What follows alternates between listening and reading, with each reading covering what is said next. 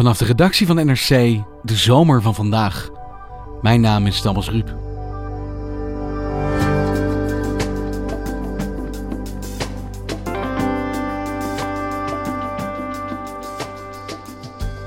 In een café in Irak loopt Midden-Oosten-correspondent Melvin Ingleby twee opmerkelijke mensen tegen het lijf: Huda en Talal. De levens van deze twee muzikanten zijn getekend door oorlog en onderdrukking, maar ook door de liefde. Voor muziek en voor elkaar.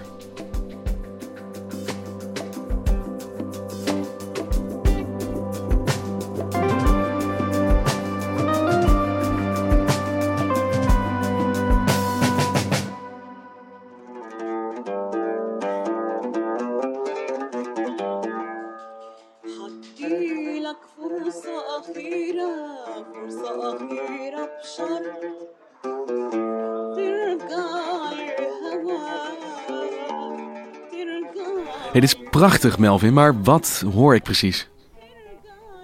Ja, dit is een nummer dat gaat over liefde. Eh, het gaat over iemand die de ander een laatste kans wil geven in een relatie op voorwaarde dat hij laat zien dat die ander echt van haar houdt. En wie zijn dit? Dit zijn Huda en Talal, twee geliefden die met elkaar muziek zitten te maken in de Iraakse stad Mosul, die lange tijd in handen is geweest van de islamitische staat. En ze zitten daar in, eh, in eh, de hoek van een café eh, samen te zingen en verliefd in elkaars ogen te kijken.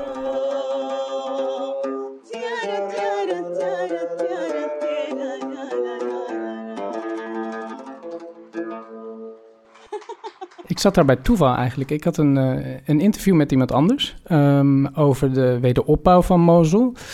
En ik hoorde haar zingen en ik hoorde die dijk van een stem door dat café echoen. En ik dacht, ik, ik moet met die mensen praten. Dus ik, ik, ik liep naar hen toe en ik zei...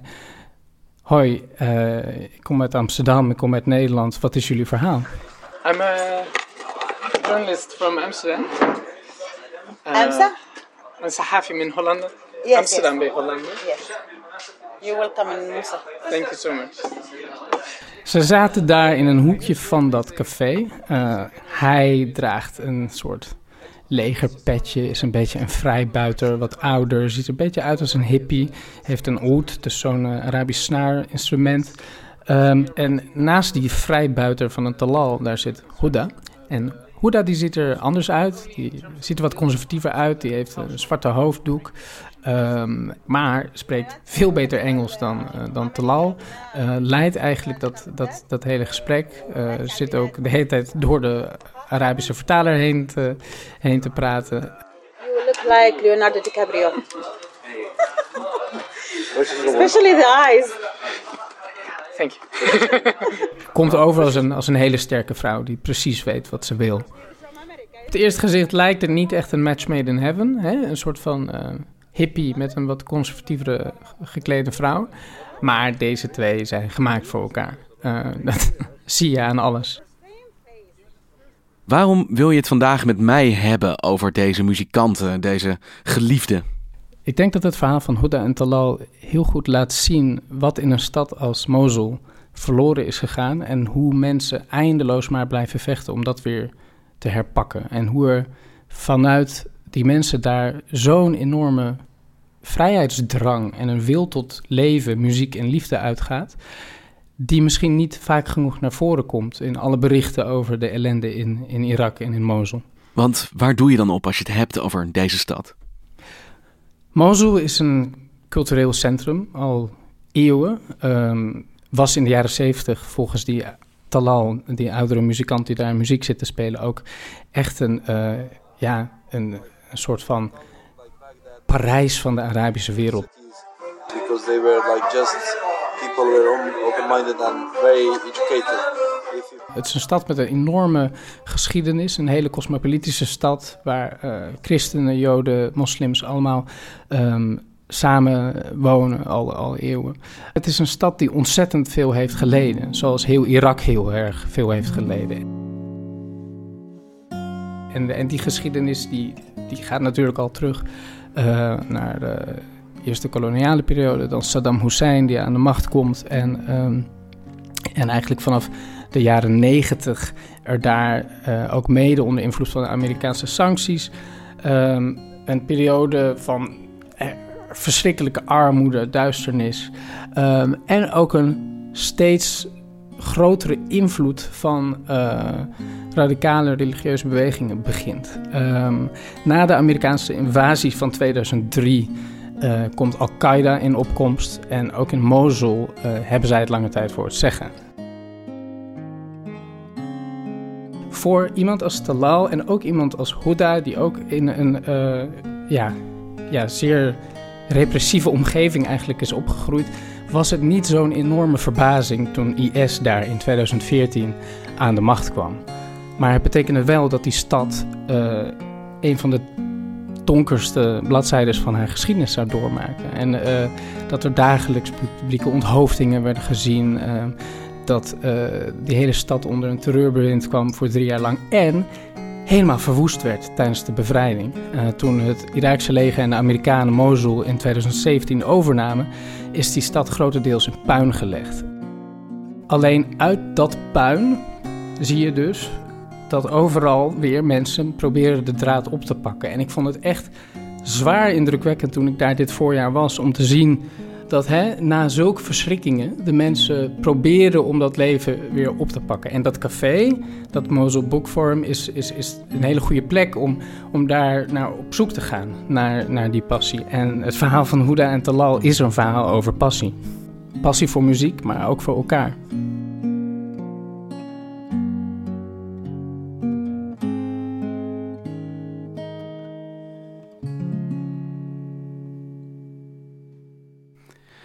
En hoe vormden deze twee mensen hun levens binnen die stad? Om eens te beginnen met Huda. Huda die komt uit een groot gezin met tien kinderen, met een uh, strenge vader, een strikt religieus gezin. Wel ook een gezin waar zij de vrijheid kreeg om onderwijs te ontvangen. Haar vader vond het wel belangrijk dat ze veel las thuis, uh, dus ze heeft zichzelf kunnen ontwikkelen als kind. Maar ze mocht niet zingen. Zij heeft een geweldige stem, maar het werd als immoreel beschouwd dat een, dat een vrouw uh, liedjes loopt te zingen. Je zou denken, oh, dat is, dat is de islam, dat is dat conservatisme, dat religieuze conservatisme. Maar Huda zelf, die de Koran van binnenste buiten kent, die, die zegt dat dat is de islam helemaal niet. Dat is het patriarchaat. Dat is die samenleving die gewoon wil dat vrouwen zich op een bepaalde manier gedragen. Dus zij verklaart dat eerder als gewoon het inherente conservatisme van haar ouders en de samenleving om zich heen. Want ze mochten niet binnenshuis, maar onder de regimes van Al-Qaeda en opeenvolgend IS ook niet buitenshuis. Zeker niet. Uh, onder Al-Qaeda en zeker ook later onder IS uh, zou ze natuurlijk in hele grote problemen komen als ze in het publiek muziek gaat maken. Ze zijn zelf tegen mij, nou, dan word ik natuurlijk onthoofd en deed er best lacherig over. If Dash would find out that she was uh, she was doing this, what would the punishment be? Cut my hair, my, my head. Hmm. But honestly. Maar dat meent ze serieus.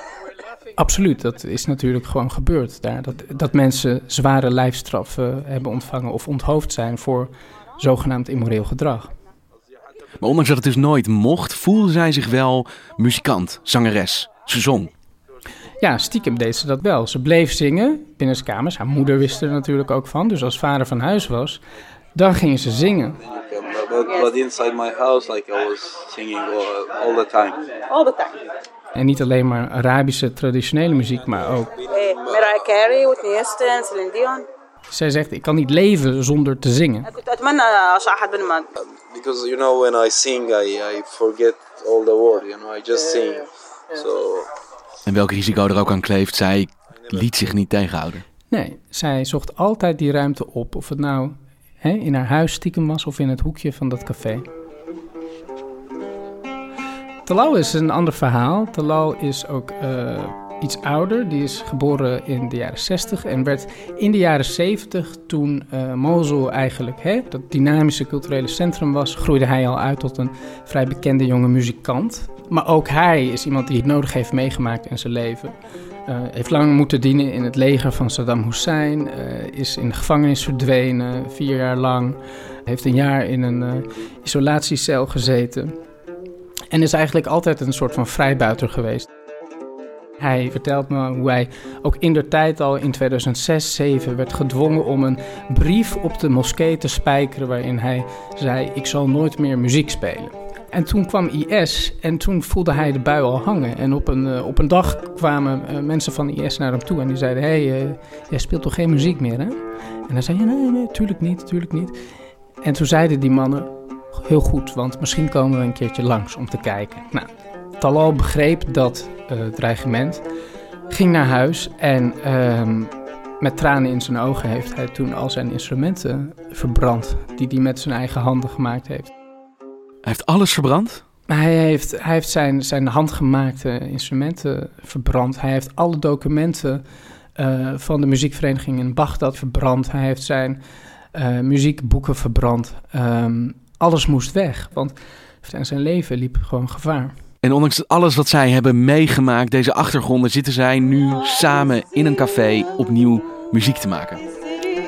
Ja, juist omdat ze zoveel hebben meegemaakt, denk ik. Um, heel veel mensen in dat café daar, met wie ik ook heb gesproken, die vertelden dat na alles wat gebeurd is in die stad, er zo'n grote drang was naar, naar, naar kunst, naar vrijheid, naar kunnen doen wat je wil. Uh, in dat café, het is een uh, soort van Iraaks hipstercafé. Um, aan de muur hangen schilderijen van Iraakse dichters, uh, schrijvers, muzikanten. Mensen zitten een potje te schaken, waterpijp te roken. Hm. En uh, op meerdere plekken in, uh, in dat café wordt muziek gemaakt. En, en Huda die vertelde mij, wat je hier ziet, dat is een revolutie van de geest. Yes, there was a like mind revolution and thought revolution because you know people like hate that. Like people ISIS. were very very uh, you know they were they very was restrict. angry so about people, ISIS. So people like feel that they are in prison, you know, they are. Uh... Na al die onderdrukking is uh, samen muziek maken of uh, waterpijp roken of uh, als een verliefd stelletje gewoon samen in een café zitten, is iets revolutionairs. Dat staat voor iets veel groters. Dat staat voor een vrijheidsdrang die eruit moet.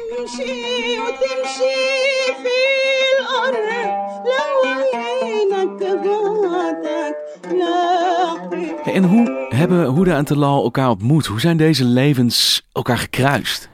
Ja, dat is een, een leuk verhaal.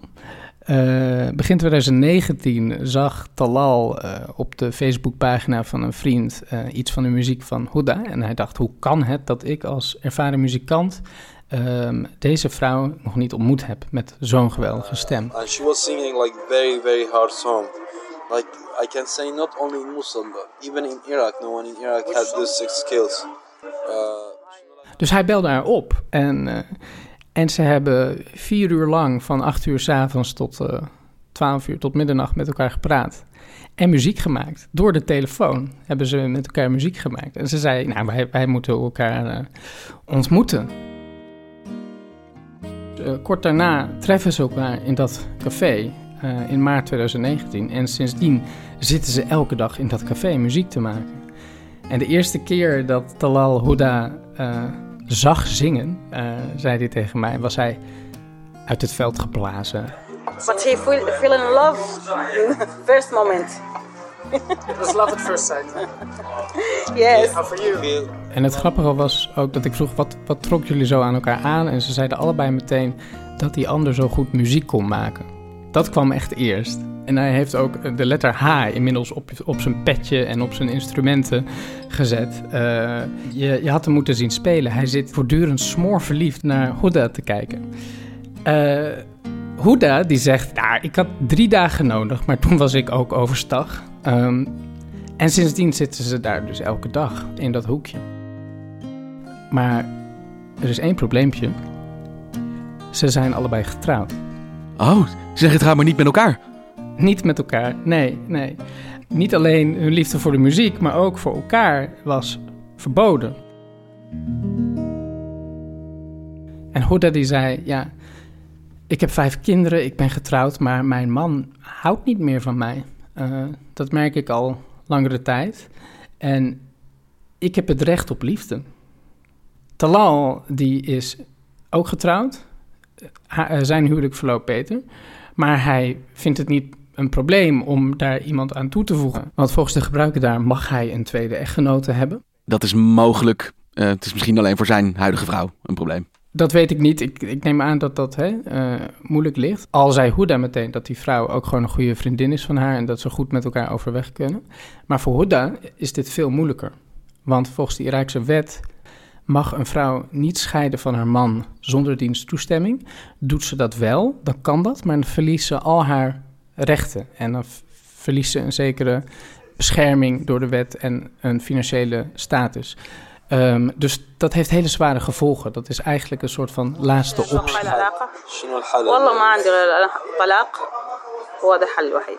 Divorce is the only solution. And will it happen? Maar die man van Huda, die ging lange tijd niet akkoord met een scheiding. Dus zij mag niet scheiden, ook al is dat wat ze wil en ook zegt te willen. Ja, daarvoor heeft ze dus volgens de wet de toestemming van haar man nodig. En ik vroeg haar ook, hè, waar is die wet dan op gebaseerd? Heeft dat, heeft dat met de islam te maken? En toen werd ze vrij fel en ze zei: Nee, ik, ik, ik ken de islamitische wetgeving.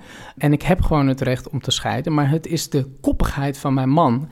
En het is de koppigheid van mannen in het algemeen in Irak. Uh, die het leven van vrouwen um, tot zo'n worsteling maakt. The situation is not easy, but I'm strong. Zij, interessant genoeg, al lijkt zij misschien in onze ogen het slachtoffer van die islamitische principes, verdedigde hier de islamitische wetgeving, maar zij opnieuw, het probleem ligt niet bij de islam, het ligt bij het conservatisme van die samenleving.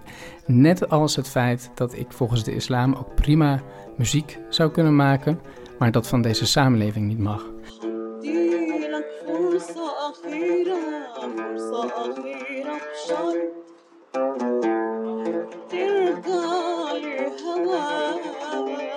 Dus de onderdrukking door IS is voorbij, die stad er weer opgebouwd, ze kunnen eindelijk muziek maken, maar helemaal vrij zijn ze niet, want hun liefde mag dus nog niet bestaan.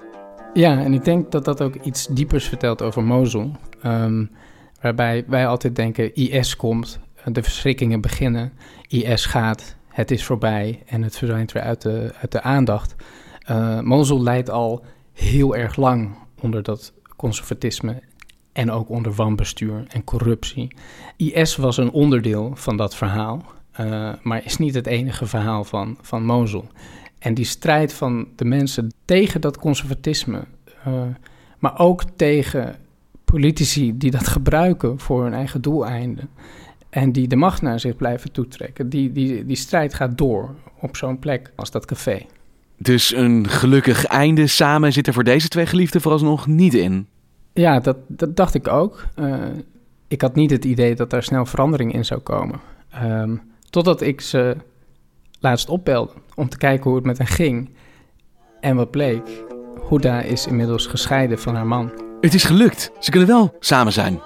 Nou, nog niet, want volgens islamitische principes is het gebruik om enkele maanden te wachten voordat je naar een nieuwe partner gaat. En dat doet Huda dan ook, want ze staat achter die principes. Maar ik weet zeker dat, uh, dat ze binnenkort in het huwelijkspootje zullen treden en dan echt hun liefde kunnen bezingen.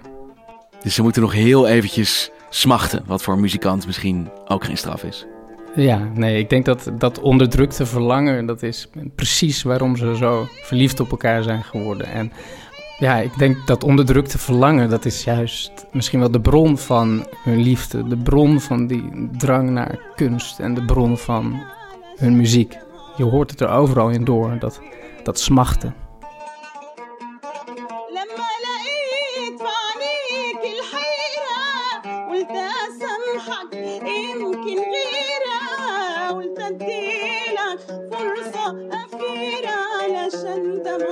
Dankjewel Melvin. Gedaan. Je luisterde naar vandaag, een podcast van NRC. Eén verhaal, elke dag.